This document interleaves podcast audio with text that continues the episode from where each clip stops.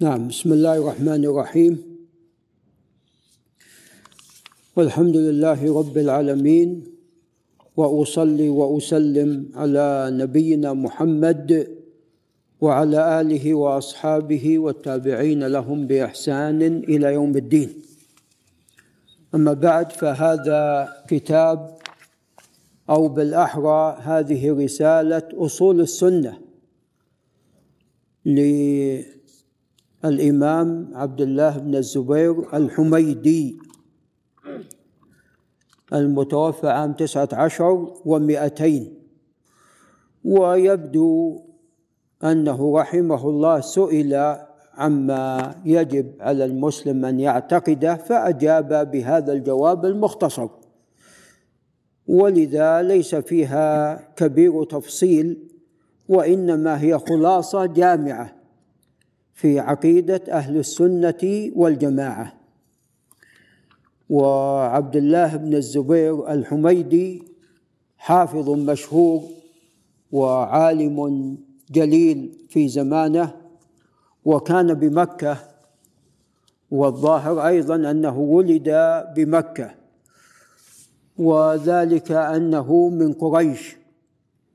فهو من بني أسد بن عبد العزى من قبيلة قريش. والحميدي نسبة إلى أحد أجداده واسمه حميد.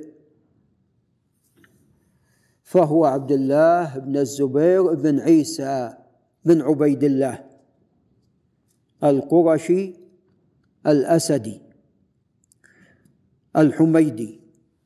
وقيل غير ذلك في سلسلة في سلسلة نسبه. وفاته كما تقدم في سنة تسعة عشر ومائتين وأما ولادته فلم تذكر السنة التي ولد فيها. فيبدو أنهم لم يقفوا على شيء في ذلك وإلا لما أهمل ذلك. والذي يظهر أنه من أقران الإمام أحمد بن حنبل ومن أقران إسحاق بن راهوية نعم ومن أقران أيضا علي بن عبد الله بن المديني. وأمثال هؤلاء من الحفاظ والأئمة. وذلك أن الشيوخ الذين روى عنهم أي الحميدي ودرس عليهم وفاتهم من بعد الخمسة وثمانين ومائة وما بعد ذلك. فممن روى عنه وحمل عنه العلم أي الحميدي إبراهيم بن سعد الزهري. ووفاة إبراهيم بن سعد في سنة خمس وثمانين ومائة. ومنهم الفضيل بن عياض وتوفي سنة سبع وثمانين ومائة. ومنهم سفيان بن عيينة الذي هو يعتبر شيخه المشهور والذي اشتهر بصلته به. ولذا المسند الذي هو لعبد الله بن الزبير الحميدي جل أحاديثه عن سفيان بن عيينة. ولذا الحميدي من أثبت الناس في سفيان بن عيينة. سفيان بن عيينة عندما هاجر والده أو انتقل بالاحرى والده من الكوفة إلى مكة. وكان سفيان آنذاك صغيرا فنشأ سفيان بن عيينة بمكة.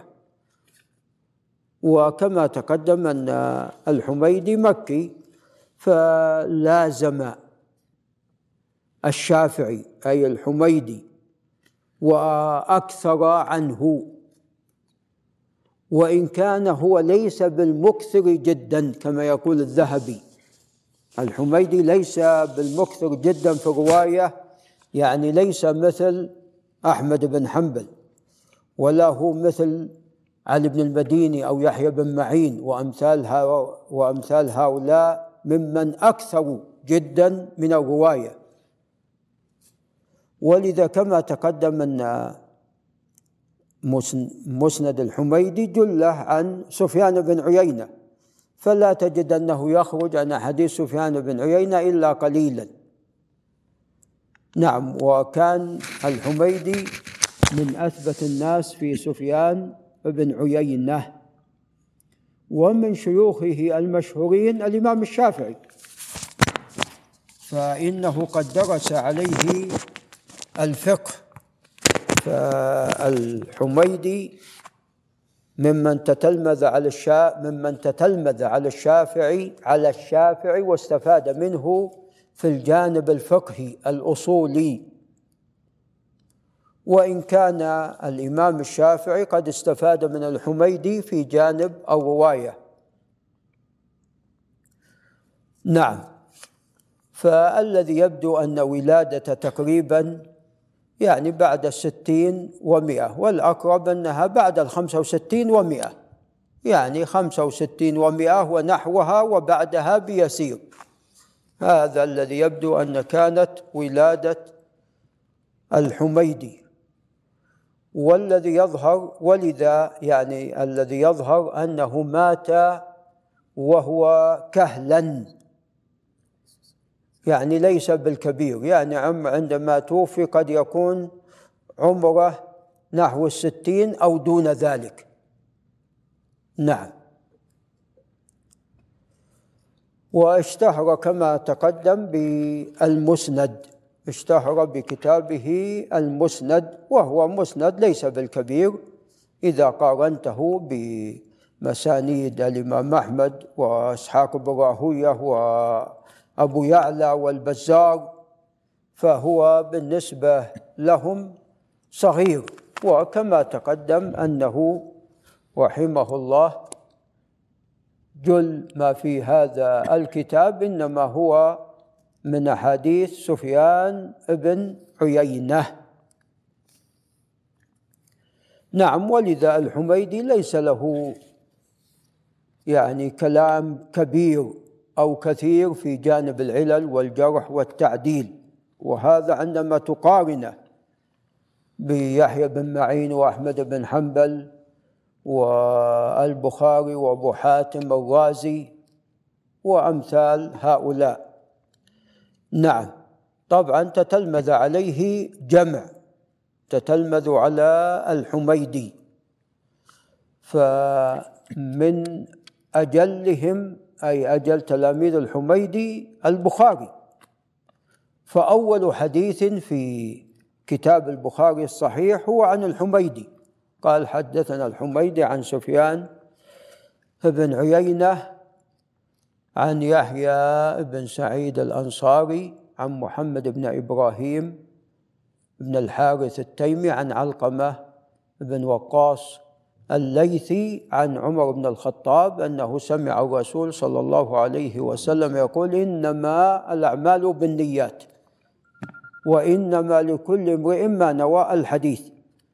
فكان هذا الحديث هو أول حديث ابتدأ به البخاري في كتابه الصحيح.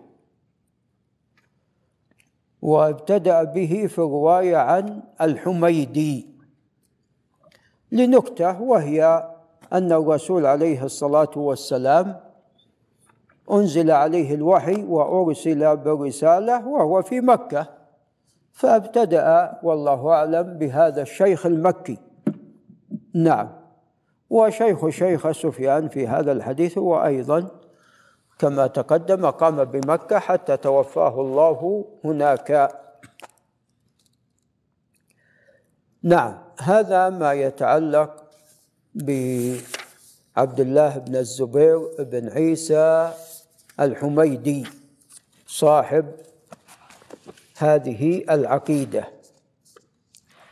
نعم هذه العقيدة طبعا مروية من طريق بشر بن موسى وهو الأسدي وهو من تلاميذ الحميدي وهو ثقة مشهور. نعم. قال حدثنا الحميدي قال السنة عندنا. ويقصدون بالسنة؟ أي الذي نعتقده ونؤمن به. نعم. ولذا كانت المصنفات في عهد السلف تسمى بالسنة. ألف في السنة. نعم له رسالة في السنة. أي في بيان المعتقد. نعم. ولذا قال الحميدي السنة عندنا. نعم أي أن المعتقد الذي يجب على المسلم أن يعتقده وهو الذي جاء في الكتاب والسنة هو أن يؤمن الرجل بالقدر خيره وشره. ولعله ابتدأ بالإيمان بالقدر لأنه في زمنه انتشرت فتنة القدرية. بعد أن تبناها المأمون العباسي. نعم. فانتشرت فتنة القدرية والقول بخلق القرآن نعوذ بالله من ذلك. نعم. فلأجل هذا لعله ابتدأ رسالته بذلك. قال السنة, السنة عندنا أن يؤمن الرجل بالقدر. خيره وشره حلوة ومره. فالواجب على المسلم أن يؤمن بقدر الله السابق. والإيمان بالقدر قد جاء في الكتاب والسنة وهو محل اتفاق من المسلمين. المسلمين الذين هم المقصود بهم السلف الصالح من الصحابة والتابعين حتى ظهرت البدع. نعم.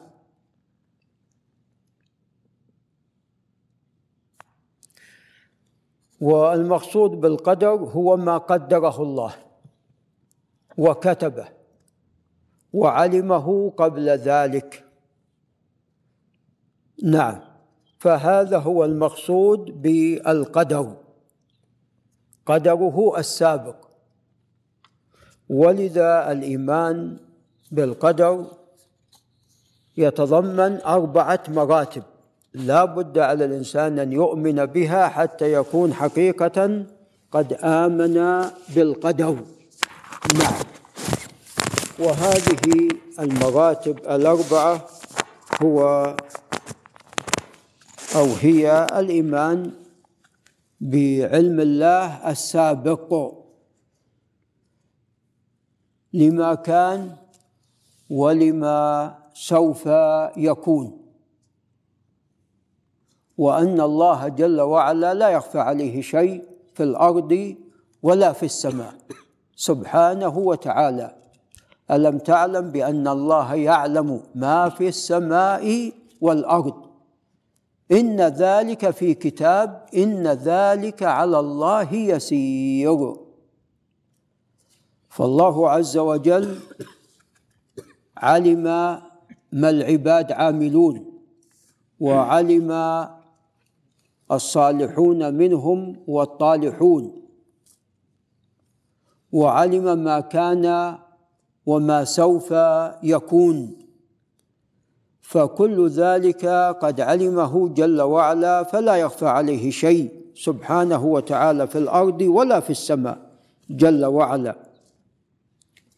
فهو عالم الغيب والشهادة.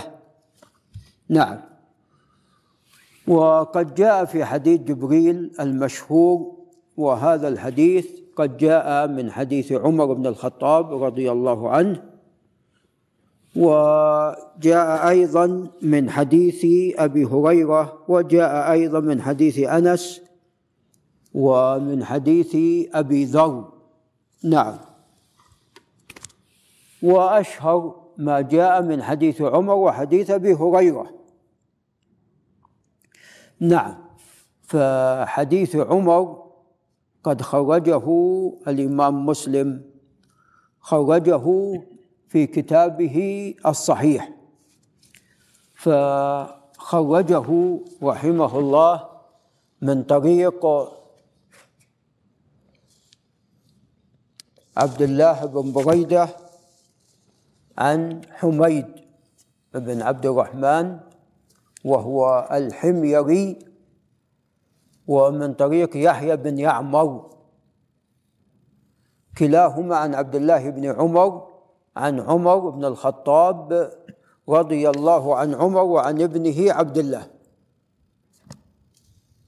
وقد رواه أيضا الإمام مسلم من طرق أخرى. وأما حديث حديث أبي هريرة فقد خرجه البخاري وخرجه مسلم أيضا. خرجه البخاري وخرجه مسلم. فخرجاه من طريق أبي حيان عن أبي زرعة بن عمرو بن جرير. من طريق أبي حيان التيمي عن أبي زرعة بن عمرو بن جرير عن أبي هريرة رضي الله تعالى عنه. وقد جاء بأن هذا الحديث كان قبيل أو هذه الواقعة والقصة كانت قبيل وفاة رسول الله صلى الله عليه وسلم بأربعين يوما. وفي نهايتها إن هذا جبريل قد جاء لكي يعلمكم إذ لم تسألوا عن دينكم. نعم. فجاء على صورة رجل شديد بياض الثياب شديد سواد الشعر لا يرى عليه أثر السفر ولا يعرفه كما قال عمر رضي الله عنه ولا يعرفه منا أحد. حتى جلس على ركبتيه جلس عند الرسول عليه الصلاة والسلام وأسند ركبتيه إلى ركبتيه. وقال يا محمد أخبرني عن الإسلام. ثم قال له أخبرنا عن الإيمان ثم سأله عن الإحسان. فانتظم هذا السؤال جميع مراتب الدين. ولذا يلقب هذا الحديث بأم السنة لأن فيه الإسلام وأركانه والإيمان وأركانه والإحسان وركنه. نعم. وفيه إن هذا جبريل جاء لكي يعلمكم دينكم فهذا هو الدين. فالشاهد من هذا عندما سأله عن الإيمان قال أن تؤمن بالله وملائكته وكتبه ورسله. نعم. وبالقدر خيره وشره. فذكر الإيمان بالقدر. نعم. فأول مراتب القدر هو الإيمان بعلم الله السابق لما كان ولما سوف يكون كيف يكون. وأن الله عز وجل لا يخفى عليه شيء في الأرض ولا في السماء. ومن أنكر ذلك فقد كفر. وكان بعض غلاة القدرية كان يقول بهذا وهؤلاء قد انقرضوا بحمد الله وتوفيقه. نعم. وهذا كفر أي إنكار علم الله لأن يقتضي ذلك. نعوذ بالله وصف الله تعالى الله بالجهل تعالى الله عن ذلك علوا كبيرا. وأما المرتبة الثانية فهي كتابة ذلك. وأن كل شيء مكتوب عنده جل وعلا في كتاب سبحانه وتعالى. وكما تقدم في الآية الكريمة هلم تعلم بأن الله يعلم ما في السماء والأرض؟ إن ذلك في كتاب. إن ذلك على الله يسير. فكل شيء مكتوب. ولذا قال عز وجل ما أصاب من مصيبة ما أصابكم من مصيبة في الأرض ولا في السماء إلا في كتاب من قبل أن نبرأها. إن ذلك على الله يسير. فكل شيء قد كتب عنده جل وعلا في اللوح المحفوظ. وفي حديث عبادة بن الصامت وقد جاء من حديث ابن عباس أن الله عز وجل أول ما خلق القلم فقال له اكتب. قال يا ربي وماذا أكتب؟ قال اكتب ما هو كائن إلى قيام الساعة. فالمرتبة الثانية كتابة ذلك عنده جل وعلا. فكل شيء مكتوب في كتاب عنده سبحانه وتعالى في اللوح المحفوظ. نعم المرتبة الثالثة مشيئته عز وجل وأنه لا يقع شيء إلا بمشيئته. قال الله تعالى لمن شاء منكم أن يستقيم وما تشاءون إلا أن يشاء الله رب العالمين. فلا يمكن لأحد أن يشاء أن يشاء شيئا إلا بعد مشيئة الله عز وجل. فما شاءه كان وما لم يشا لم يكن. ولذا قال عز وجل إن الله يحول بين المرء وقلبه. نعم. ولذا يحكى عن بعض السابقين كيف عرفت ربك؟ قال بنقض العزائم. تجد الإنسان يعزم على شيء ثم بعد ذلك يدع ماذا؟ يدع هذا الشيء. وهذا نعم بتقدير الله. نعم يعزم على شيء وكأنه يعني خلاص يريد يعني أن يعمل هذا الشيء وقد جزم بعمله ثم يدع هذا الشيء. وقد يكون بعد أن كان عنده قصد وتأكيد على عمل هذا الشيء تجد أنه قد يكون عنده كراهية لعمل هذا الشيء. فسبحان الله الله عز وجل هو الذي يحول بين المرء وقلبه. فالمرتبة الثالثة هي المشيئة المرتبة الرابعة هي الخلق. فالله عز وجل قد خلق الخلق وما هم عاملون.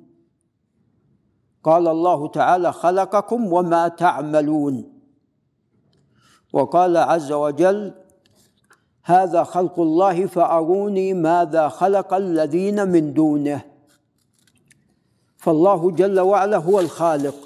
سبحانه وتعالى. وليس هنالك خالق سواه عز وجل. وهذه المرتبة هناك من ينكرها بل هو الذي اشتهر عن القدرية المتأخرين. إنكار ما إنكار هذه المرتبة. نعم. فعندهم والعياذ بالله أن الإنسان هو الذي يخلق فعله بل منهم من ينكر حتى المشيئة ويقول إن الله لم يشاء أضلال من أضله وإنما هو الذي ضل بنفسه. فنقول نعم هو الذي اختار الضلال ولكن الله عز وجل قد قدر وكتب عليه هذا الشيء. وهو الذي اضله سبحانه وتعالى. يهدي من يشاء ويضل من يشاء. يهدي من يشاء جل وعلا ويضل من يشاء سبحانه وتعالى. ولذا كان الواجب على الإنسان أن يسأل ربه عز وجل الهداية. ولذا كان أج أش يعني نعم. ولذا كان أعظم ما يسأل الإنسان ربه هو الهداية وهذا أمر واجب عليه. قال الله تعالى اهدنا الصراط المستقيم صراط الذين أنعمت عليهم غير المغضوب عليهم ولا الضالين آمين. فسؤال الله الهداية هذا أمر واجب. ولذا في الحديث القدسي الإلهي الذي خرجه الإمام مسلم من حديث أبي إدريس الخولاني عن أبي ذر الغفاري عن رسول الله عليه الصلاة والسلام عن ربه يا عبادي إني حرمت الظلم على نفسه وجعلت بينكم وجعلت بينكم محرما فلا تظالموا. يا عبادي كلكم ضال إلا من هديت فاستهدوني أهدكم. يا عبادي كلكم جائع إلا من أطعمت فاستطعموني أطعمكم. يا عبادي كلكم عار إلا من كسوت فاستكسوني أكسكم. الحديث فسؤال الله عز وجل هداية هذا من أوجب ما يجب على الإنسان.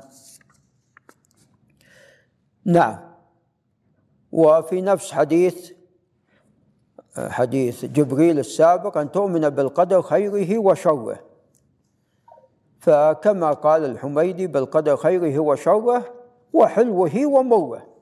القدر أحيانا يعني يقع لك شيء تستحليه وحلو بالنسبة لك وأحيانا شيء مر بالنسبة لك يحتاج منك إلى صبر.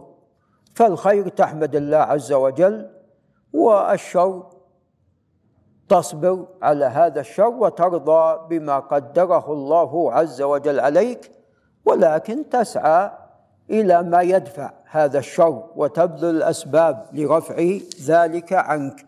فالأمور مربوطة بالمسببات بأسبابها.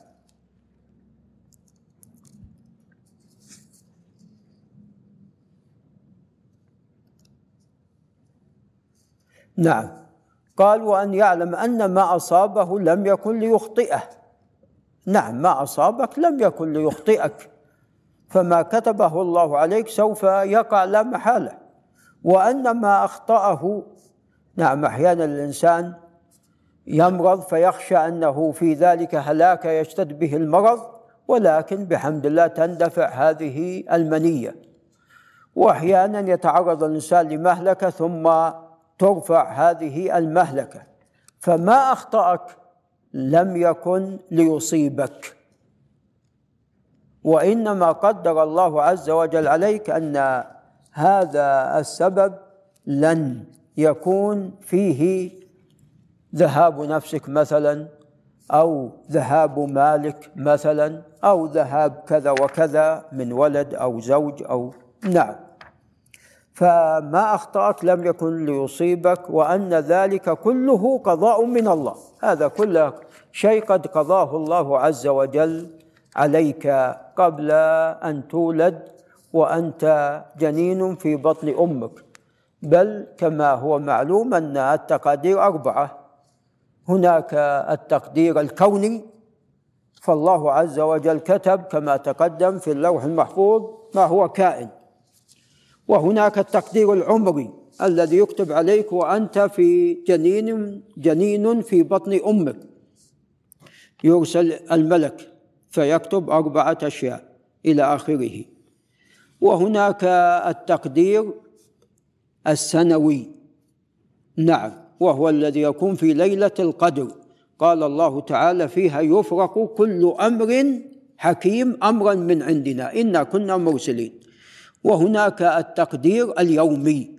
كل يوم هو في شأن سبحانه وتعالى. كما قال أهل التفسير يفرج كربا ويرزق من يرزق جل وعلا ويعافي من يعافي سبحانه وتعالى. نعم فكل يوم هو في شأن سبحانه وتعالى. قال وأن الإيمان قول وعمل. فالإيمان قول وعمل. وهو اعتقاد بالجنان. نعم. وكونه اعتقاد يعني تقريبا هذا لا ينكره أحد. نعم. إلا من أضله الله نعوذ بالله كما هو من بعض الفرق. نعم. ولكن الذي كثر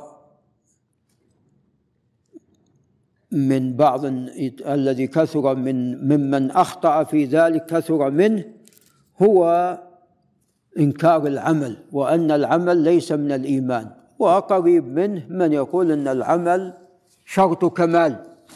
لا العمل ركن. العمل ركن ليس هو شرط. شرط عند الخوارج أنه شرط. ولذا عندهم إذا ذهب بعضه ذهب كله. بخلاف أهل السنة يقولون ركن. فقد يذهب بعضه ولا يذهب كله. نعم. فهناك من الأعمال مما مما يكون تركه ليس كفرا. وهناك من الأعمال تركه كفر. فالصلاة تركها كفر بخلاف مثلا الصيام. فهو كبيرة من كبائر الذنوب. ولكن ليس كفرا. ولذا كما قال عبد الله بن شقيق العقيلي قال أن لم يكن الصحابة نعم يقولون بكفر لم يكن عندهم شيء من الأعمال تركه كفر إلا الصلاة. لم يكن عندهم شيء من الأعمال تركه كفر إلا الصلاة. نعم خرجه الترمذي. نعم. فالعمل اعتقاد وقول وعمل. الإيمان عفوا اعتقاد وقول وعمل. ولا يجزئ بعضها عن البعض الآخر. لا بد أن الإنسان يعتقد ويقول ذلك بلسانه ويعمل بذلك بجوارحه. ولذا نقل الإمام الشافعي الإجماع على ذلك. وأن الإيمان لا يصح إلا بهذا. ولذا أهل السنة يقولون اعتقاد بالجنان وقول باللسان وعمل بالأركان وأن الإيمان يزيد وينقص كما جاء ذلك في القرآن العظيم. أيكم زادته هذه إيمانا فما زاد إلا وهو ينقص. نعم. قال ولا ينفع قول إلا بعمل. ما ينفع الإنسان أن يقول الإسلام جميل وحسن وطيب وهو الحق وهو الصواب وهو الهدى وهو لا يعمل ولا ينقاد. فهذا نعوذ بالله هذا كافر. وإبليس كان كذلك. إبليس كان كذلك. إبليس إنما كفر بسبب عدم سجوده لآدم. كفر بتركه للعمل ولذا في الحديث الصحيح إذا سجد ابن آدم اعتزل الشيطان يبكي قال يا ويل أمر بالسجود فسجد فله الجنة وأمرت بالسجود فعصيت فلي النار. نعوذ بالله من ذلك. فالإنسان يكفر بالعمل بتركه للعمل ولا ينفعه القول بدون أن يعمل. وهذا مثل أن الإنسان مثلا يثني على الصلاة والصلاة طيبة وجميلة وهو لا يصلي. ما الفائدة من ذلك؟ نعم. أو فيما يتعلق بالأمور الدنيوية مثل شخص يقول أن الدراسة طيبة و الدرس حسن وجميل ولكن لا يدرس ولا يتعلم ولا يبحث ولا يسأل فهذا ما ينفع هذا الكلام. وهذا مثل أيضا في الأمور الدنيوية عندما يقول الإنسان أن هذه الوظيفة طيبة وما أحسنها وهو وهي مرتبة ووظيفة جميلة ولكن لا يداوم ولا يعمل ولا يقوم بشيء من متعلقات هذه الوظيفة. هذا ما, ما ينفع. فلا بد من القول مع العمل. نعم. وإلا سوف يكون مثل إبليس. نعم أو هرقل عظيم الروم هرقل علم أن محمد بن عبد الله عليه الصلاة والسلام هو رسول الله. عندما جاء الخطاب وسأل أبو سفيان علم قال ما كنت أظنه أنه خارج فيكم. لكن لم ينقاد ويعمل لأنه ظن بملكه دعا قومه فأبوا فظن بملكه فلم يعمل ولم ينقاد. ومثل أبو طالب كان يقول في شعره ولقد علموا أن ابننا لا مكذب ولا يقول بقول الأباطل وكذا وكذا ولكنه من أهل النار لأنه لم ينقاد ويعمل. ولذا كان من شروط لا إله إلا الله الانقياد والقبول. نعم يقبل. وهذا فيما يتعلق بالاعتقادات لا يرد شيء. وينقاد يعمل. نعم هذه من شروط لا إله إلا الله. قال ولا ينفع قول إلا بعمل ولا عمل ولا قول إلا بنية. إنما الأعمال بالنيات. وإنما لكل امرئ ما نوى ولا قول وعمل ونية إلا بسنة. نعم إذا لم يكن هذا العمل وفق السنة فإنه يكون بدعة وبالتالي كل بدعة ضلالة وكل ضلالة في النار. وكل ضلالة فهي في النار نعوذ بالله من ذلك. ثم ذكر مسألة ثالثة وهي الترحم على أصحاب محمد صلى الله عليه وسلم كلهم. لأن هناك من يثني على البعض ويتكلم في البعض نعوذ بالله من ذلك. وفي الصحيحين من حديث الأعمش عن أبي صالح عن أبي سعيد لا تسبوا أصحابي. فوالذي نفسي بيده لو أنفق أحدكم مثل جبل أحد ذهبا ما بلغ مد أحدهم ولا نصيفة. فالترضي عن جميع الصحابة هذا أمر واجب وحتم لازم. والذين جاءوا من بعدهم يقولون ربنا اغفر لنا ولإخواننا الذين سبقونا بالإيمان. نعم ولذا قال المصنف كلهم فإن الله عز وجل يقول أو قال والذين جاءوا من بعدهم يقولون ربنا اغفر لنا ولإخواننا الذين سبقونا بالإيمان ولا تجعل في قلوبنا غلا للذين آمنوا. ربنا إنك رؤوف رحيم. قال فلن يؤمن إلا بالاستغفار لهم. فمن سبهم أو تنقصهم أو أحدا منهم فليس على السنة وليس له في الفيء حق. نعم نعوذ بالله من ذلك لأن الفيء إنما هو للمسلمين. أخبرنا بذلك غير واحد عن مالك بن أنس وكان يقول ذلك الإمام مالك بن أنس بن أبي عامر الأصبحي. نعم. وأنه قال قسم الله تعالى الفيء فقال للفقراء المهاجرين الذين أخرجوا من ديارهم ثم قال والذين جاءوا من بعدهم يقولون ربنا اغفر لنا ولإخواننا الذين سبقونا بالإيمان. الآية فمن لم يقل هذا فليس ممن جعل له في الفيء. نعم. قال والقرآن كلام الله. سمعت سفيان وهو بن عيينة لأنه لم يدرك الثوري يقول القرآن كلام الله ومن قال مخلوق فهو مبتدع. لم نسمع أحدا يقول هذا لم نسمع أحدا من أهل السنة يقول هذا أي أنه مخلوق. نعم قال الله تعالى وإن أحد من المشركين استجارك فأجره حتى يسمع كلام الله. فالقرآن كلام الله. قال وسمعت سفيان يقول الإيمان قول وعمل ويزيد وينقص.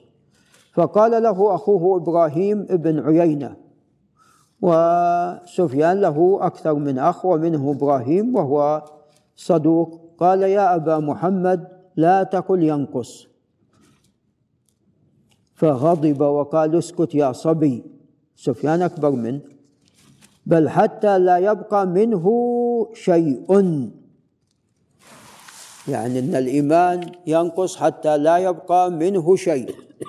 ونقصان الإيمان صراحة جاء في السنة النبوية وإلا الإشارة إليه في القرآن موجودة. ما زاد إلا وهو إلا وهو ينقص. نعم. أيكم زادته هذه إيمانا؟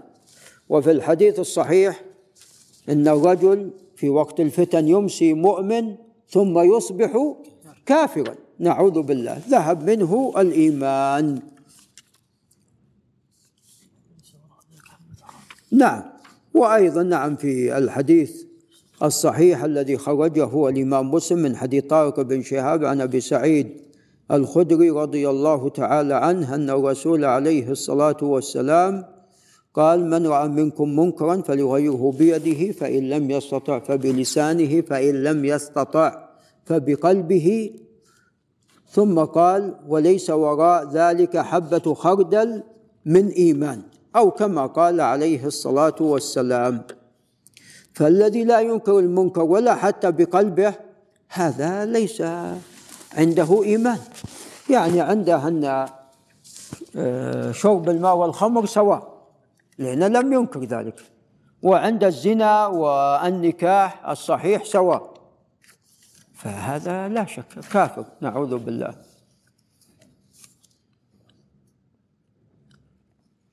قال و والإقرار بالرؤية بعد الموت. نعم. وهذا ما نطق به الحديث الصحيح. قال الله نعم في قال عليه الصلاة والسلام في صحيح مسلم واعلموا أن أحدكم لن يرى ربه حتى يموت. نعم. نعم قال رحمه الله والإقرار بالرؤية بعد الموت.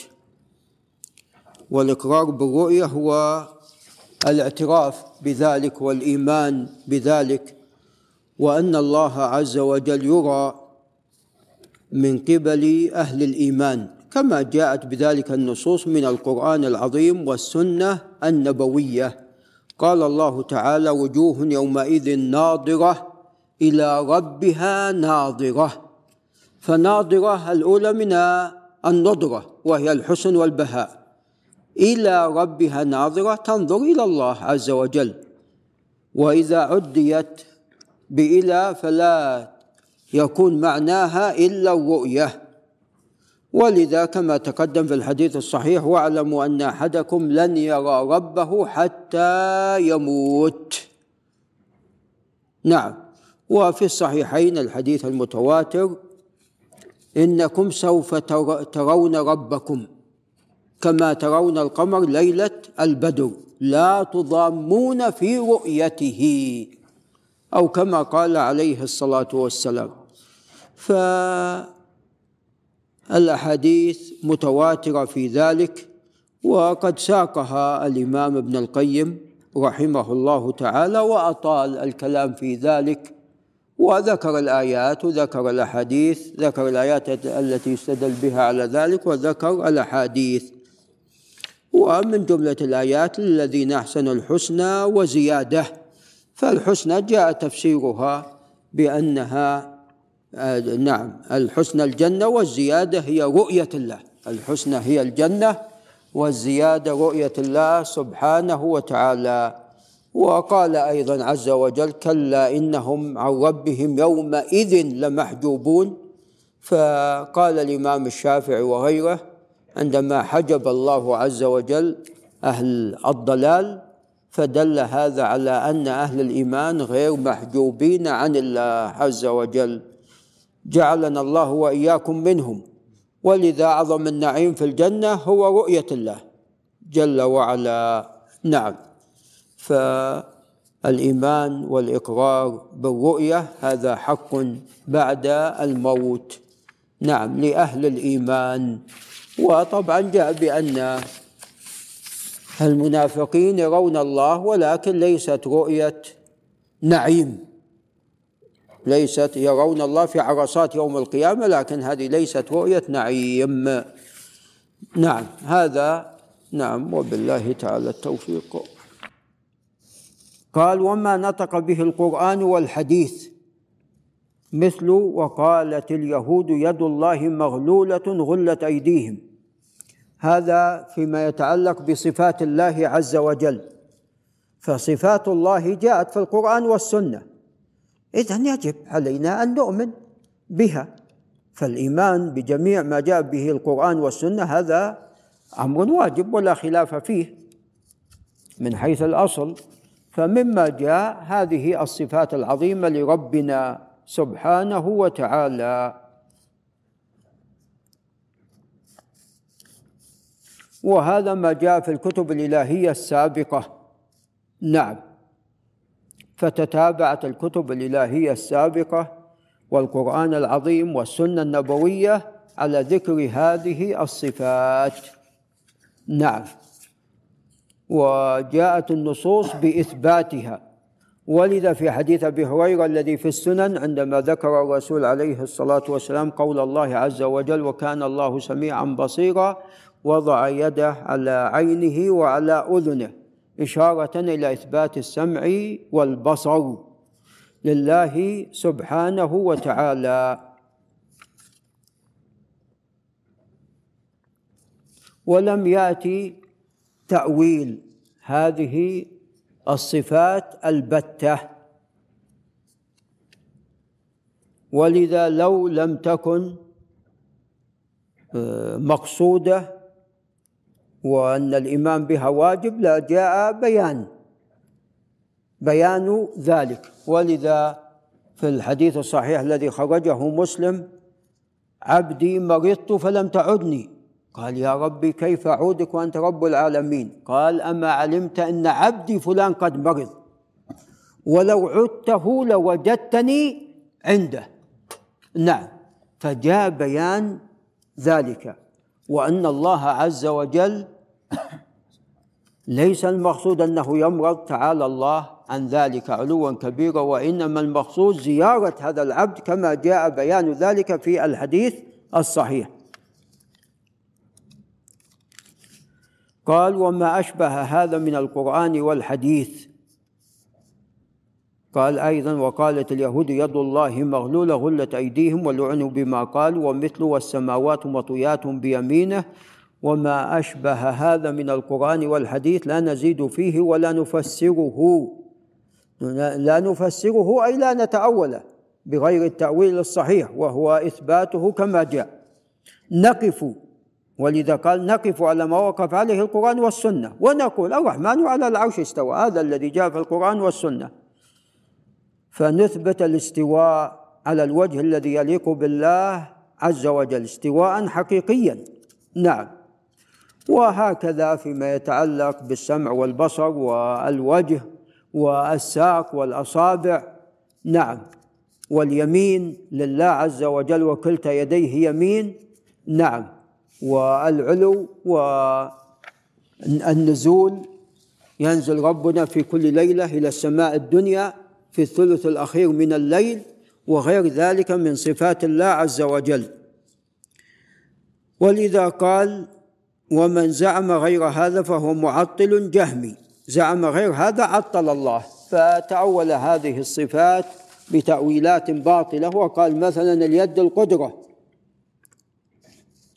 وقال أن النزول هو أن الله عز وجل ينزل ملك. طيب الملك يقول من يدعوني فأستجيب له. من يسألني فأعطيه من يستغفرني فأغفر له. فهذا الكلام باطل. قال وألا وألا نقول كما قالت الخوارج من أصاب كبيرة فقد كفر. والخوارج هم الذين خرجوا على أمير المؤمنين علي بن أبي طالب. واعتقدوا مع الخروج باعتقادات فاسدة. فالخوارج إذا أطلقوا إنما ينصرف مدلول هذا اللفظ إلى هؤلاء وليس كل خارج على خليفة شرعي. الخارج على خليفة شرعي مقيد هذا يقال خرج على فلان خرج على فلان. من الخلفاء. وأما الخوارج إذا أطلقوا فهم الفوق المعروف الذين اخبر عنهم النبي عليه الصلاة والسلام بقوله تحقرون صلاتكم مع صلاتهم وصيامهم مع صيامكم أو كما قال عليه الصلاة والسلام يمرقون من الدين كما يمرق السهم من الرمية. فهؤلاء قد احتووا على جملة على جملة من العقائد الباطلة. نعم. ومنها تكفير صاحب الكبيرة. والكبائر على قسمين كبائر تخرج الإنسان من الملة وكبائر لا. فترك الصلاة كما تقدم كفر. ولكن الزنا ليس بكفر بل هو كبيرة من كبائر الذنوب وشرب الخمر كبيرة من كبائر الذنوب. بل ما هو أشد من ذلك ترك الزكاة مع الإقرار والاعتراف بها هذه كبيرة من كبائر الذنوب ما لم يقاتل. ولذا ترك الزكاة يعذب في يوم نعوذ بالله مقدار خمسين ألف سنة ثم بعد ذلك يرى مصيره إلى الجنة أو أو النار. فما يرى مصيره إلى الجنة أو النار إلا لأنه مسلم وإلا كان يرى مصير رأسا إلى النار نعوذ بالله من ذلك. نعم. قال ولا تكفير بشيء من الذنوب إنما الكفر في ترك الخمس التي قال رسول الله صلى الله عليه وسلم بني الإسلام على خمس شهادة أن لا إله إلا الله وأن محمدا رسول الله واقام الصلاة وإيتاء الزكاة وصوم رمضان وحج البيت. قال فأما ثلاث منها فلا يناظر تاركه ما لم يتشهد ويصلي ولم يصم لأنه لا يؤخر شيء لا يؤخر شيء من هذا عن وقته ولا يجزئ. من, قضاه بعد تفريطه فيه عامدا عن وقته.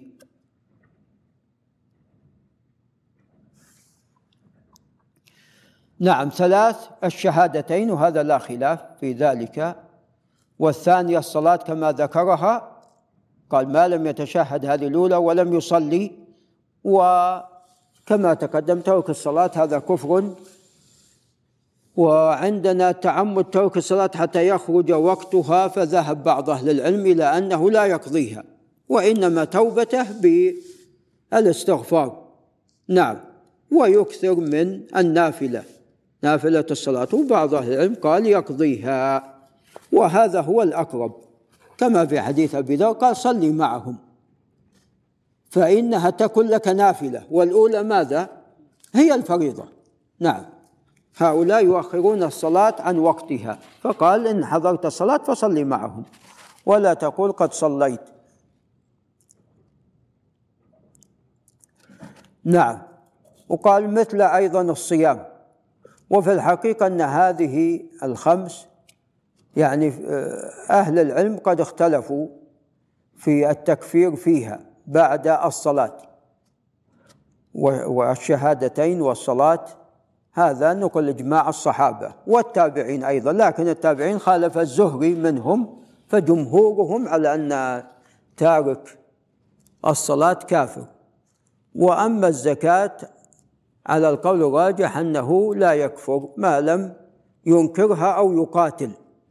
فالذين تركوا يعني ترك الزكاة على قسمين إما أفراد ولم يقاتلوا فهذا الذي جاء فيه الحديث والله أعلم ثم يرى مصيره إلى الجنة أو النار. وهذا اللي جاء فيه حديث بهز بن حكيم عن أبيه عن جده والأول حديث أبي هريرة في الصحيح حديث بهز في السنن في ترك الزكاة إن آخذوها وشطر ماله عزيمة من عزائم ربنا أو كما قال عليه الصلاة والسلام. نعم. وأما نعم ومثل أيضا الصيام والحج ففيها جاء عن السلف التكفير في ذلك كما ذكر الحميد هنا وجاء عن السلف عدم التكفير وكلها أقوال في مذهب الإمام أحمد كلها أقوال في مذهب الإمام أحمد رحمه الله. وجاء عن الصحابة شيء من هذا نعم رضي الله عنهم. قال فأما الزكاة فمتى ما أداها أجزأت عنه وكان آثما في الحبس في حبسها. قال وأما الحج فمن وجب عليه ووجد السبيل إليه وجب عليه. فهذا يفيد أن الحج يجب على الفور إذا كان قادر ومن القدرة وجدان السبيل إلى إليه إلى الحج. ولا يجب عليه في عامه ذلك حتى لا يكون له منه بد. متى ما أداه كان مؤديا. قال ولم يكن آثما في تأخيره. إذا أداه كما كان آثما في الزكاة لأن حق الزكاة لأن الزكاة حق للمسلمين مساكين. حق لمسلمين مساكين. حبسه عليهم. حق لمسلمين مساكين حبسه عليهم فكان آثما حتى وصل إليهم. وأما الحج فكان فيما بينه وبين ربه إذا أداه فقد أدى. وإن هو مات وهو واجد مستطيع ولم يحج سأل الرجعة إلى الدنيا أن يحج ويجب لأهله أن يحجوا عنه. ونرجو أن يكون ذلك مؤديا عنه كما لو كان عليه دين فقضي عنه بعد موته كما جاء في الحديث الصحيح.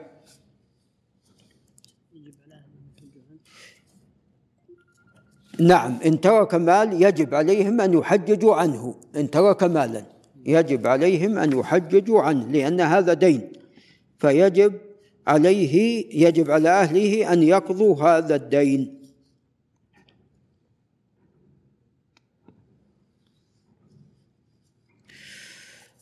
نعم هذا وبالله تعالى التوفيق.